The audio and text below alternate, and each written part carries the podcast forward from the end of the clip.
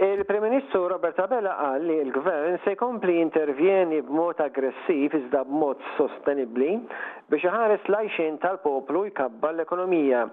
F'intervista fuq one Radio qal li l-Maltin jistgħu jgawdu s-serenità u t-trankuilità.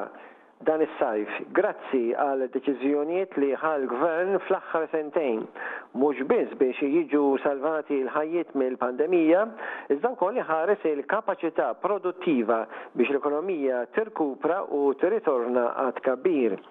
Proċess li għadu sejjer, eżempju tal-fatt li l-prezz ta' l-enerġija u l-fjuwil ma xxiftjax għal 111-il ġimgħa. Malta għandha l-inqas qgħad li qatt kellha. bi 92 persuna biss tfittex ix-xogħol, disa' darbiet inqas minn meta il-PN kien fil-Gvern. Sfida ewlenija għas-settur privat huwa biex isib il-ħaddiema meħtieġa. Għal din ir-raġuni qal il-Prim Ministru li jippresieda laqgħat fl-aħħar ġimgħat biex tiġi riformata Identity Malta u l-proċessi biex jingħataw visas u permessi għax-xogħol. L-inflazzjoni f'Malta hija l-iktar baxxa fl-Ewropa. Is-sitwazzjoni setgħet kienet katastrofika għall-poplu u għall-ekonomija kieku l-prezzijiet tal-enerġija u l-fjuwil tħallew jogħlew u jvarjaw bħal barra. Il-kont tal-familja kien jitla' bejn 700 u 800 ewro kieku ma kienx hemm sussidji. L-inflazzjoni f'Malta bħalissa hija ta' 6.5 fil-mija minħabba fatturi li l-Gvern ma kellux kontroll fuqhom. Huwa faħħar il-ħruġ ta' Malta mill-Grey List tal-Financial Action Task Force. Malta qatgħet l-inqas żmien possibbli fil-Grey List.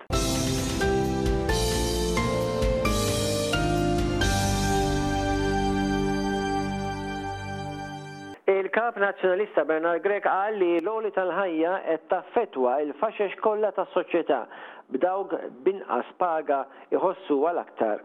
F'intervista fuq Nett FM, Grech qal li l-Prim Ministru qata' qalbu quddiem din il-problema u Robert Abela għandu l-obbligu li jibgħat messaġġ li mhux aċċettabbli li l-prezzijiet jogħlew mingħajr ġustifikazzjoni. Fakkar kif ftit tal-jiem ilu waslet il-konferma mill-Qorti li l-PBS hu l-awtorità tax-xandir Kisru d-drittijiet fundamentali tal-Partit Nazzjonalista, b'Robert Abela jkollu kontroll assolut fuq il-PBS. Il-poplu għandu dritt ikollu l-verità kollha fuq l-istazzjon nazzjonali li jħallas għalih mit-taxxi tiegħu. Semma' l-kritika li qala' l-Gvern minn aġenziji internazzjonali għall-mod kif il-Gvern qassam iċ-ċekkijiet qabel l-elezzjoni ġenerali li għaddiet. Xi ħaġa li tmur kontra l-istandards internazzjonali. Dan huwa turija ċara ta' abbuż mill-fondi pubbliċi. Dwar l-aġir tal-Avukat Ġenerali, Grech qal li l-poplu mhux iħossu protett minn dak li ġie żvelat u qal din għandha l-obbligu tispjega għalfejn b'dawn in-nuqqasijiet qed iddgħajjef l-istituzzjoni tal-Avukat Ġenerali. Jekk dan ma jsirx, ma jifdallha ebda triq ħlief li tirriżenja jew titkeċċa mill-kariga. Dwar il-proċess li għaddej minnu dik ta' riforma fil-PN, sostna li fl-aħħar tax-xahar ikun hemm il-konferma ta' Alex Perici Calascione bħala Viċi Kap tal-Partit Nazzjonalista. Jidher li l-President ta' Malta għad irid jiffirma r-riforma tal-liġi tal-IVF. L-emendi għal din il-liġi li għaddiet mill-Parlament Malti għandha tiftaħ il-bieb għal ittestjar ta' l-embrijuni, jiġifieri embryo testing, kien hemm każi meta liġi damet biex tiġi firmata. L-emendi f'din il-liġi tal-IVF kienu approvati ġimagħtejn ilu iżda rapporti fil-media qed isostnu li għalkemm kien hemm esperjenzi bħal dawn f'dak li huwa dewmien, Sorsi qed isostnu li hemm tħassib dwar jekk il-liġi hux se tiġi ffirmata mill-President u titħalla minflok biex tiġi ffirmata mill-istand-in tiegħu meta jkollu s-safra li jmiss. Intqal li l-President se jkun qed jivvjaġġa barra l-pajjiż ix-xahar id-dieħel. L-emendi kienu approvati fis-sitta ta' Lulju mill-Parlament bl-appoġġ ta' żewġ partiti b' 66 vot favur u tlieta kontra.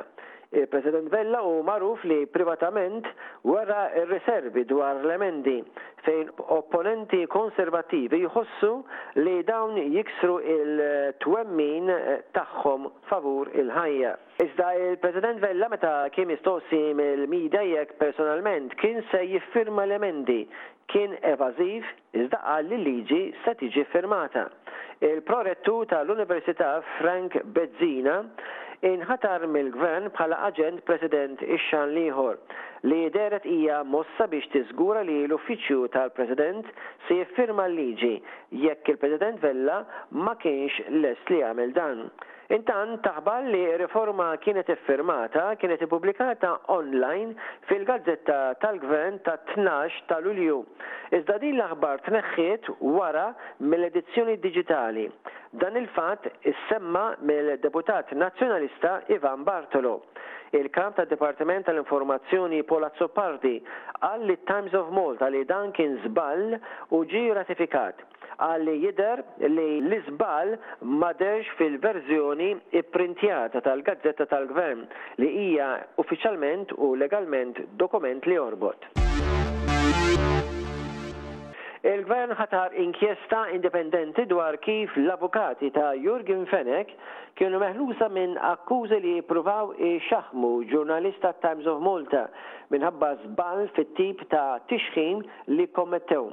Jingħad li l-Ministru għall-Ġustizzja Jonathan Attard ħatar lill-eks Prim Imħallef Joseph Azzopardi biex jinvestiga kif iż-żewġ avukati kienu mixlija b'tixħim attiv, iżda l-Avukat Ġenerali Victoria Buttigieg indikat proviżjoni oħra tal-liġi fin-nota għal riferiment. Minħabba dan l-iżball, l-avukati Gianluca Caruana Carin u Charles Mercieqa kienu meħlusa mill-akkużi. L-avukati x-xahar l-ieħor kienu kklerjati mill-akkużi li joħorġu mill-attentat biex jgħaddu mijiet ta' ewros lill-ġurnalist Ivan Martin fi tmiem laqgħa li kellhom fl-uffiċċju tagħhom il-Belt Valletta. Skont l-istess Martin, fi tmiem il-laqgħa ta' 20 minuta fil-Belt, f'Novembru tas-sena 2020, Caruana Karen tah karti ta' 500 ewro. Caruana Karen ammetta li offra l-rimunerazzjoni u li biss offra l-flus għaliex qatt qabel ma ittratta ma' ġurnalist.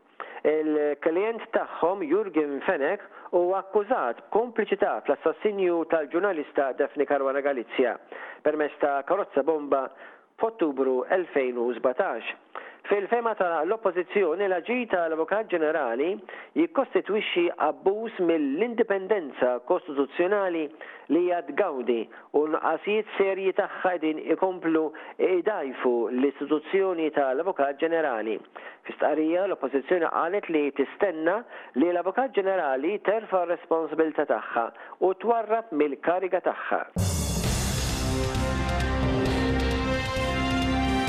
Bħalissa Malta għandha l-ogħla rata ta' imwiet mill-Covid-19 skont ċifri taċ-Ċentru Ewropew għall-Prevenzjoni tal-Mard u l-Kontroll, l-ECDC.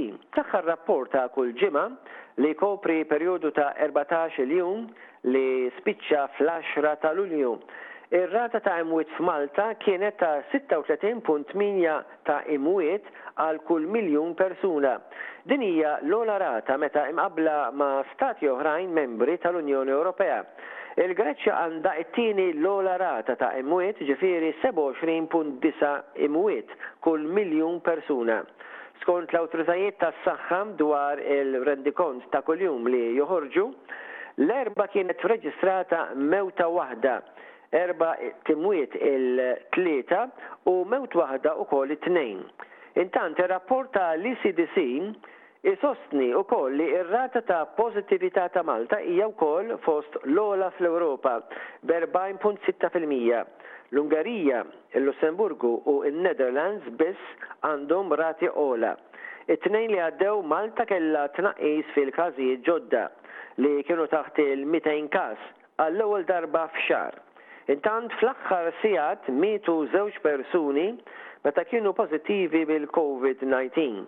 Kien hemm 204 każi ġodda biex il-każijiet pożittivi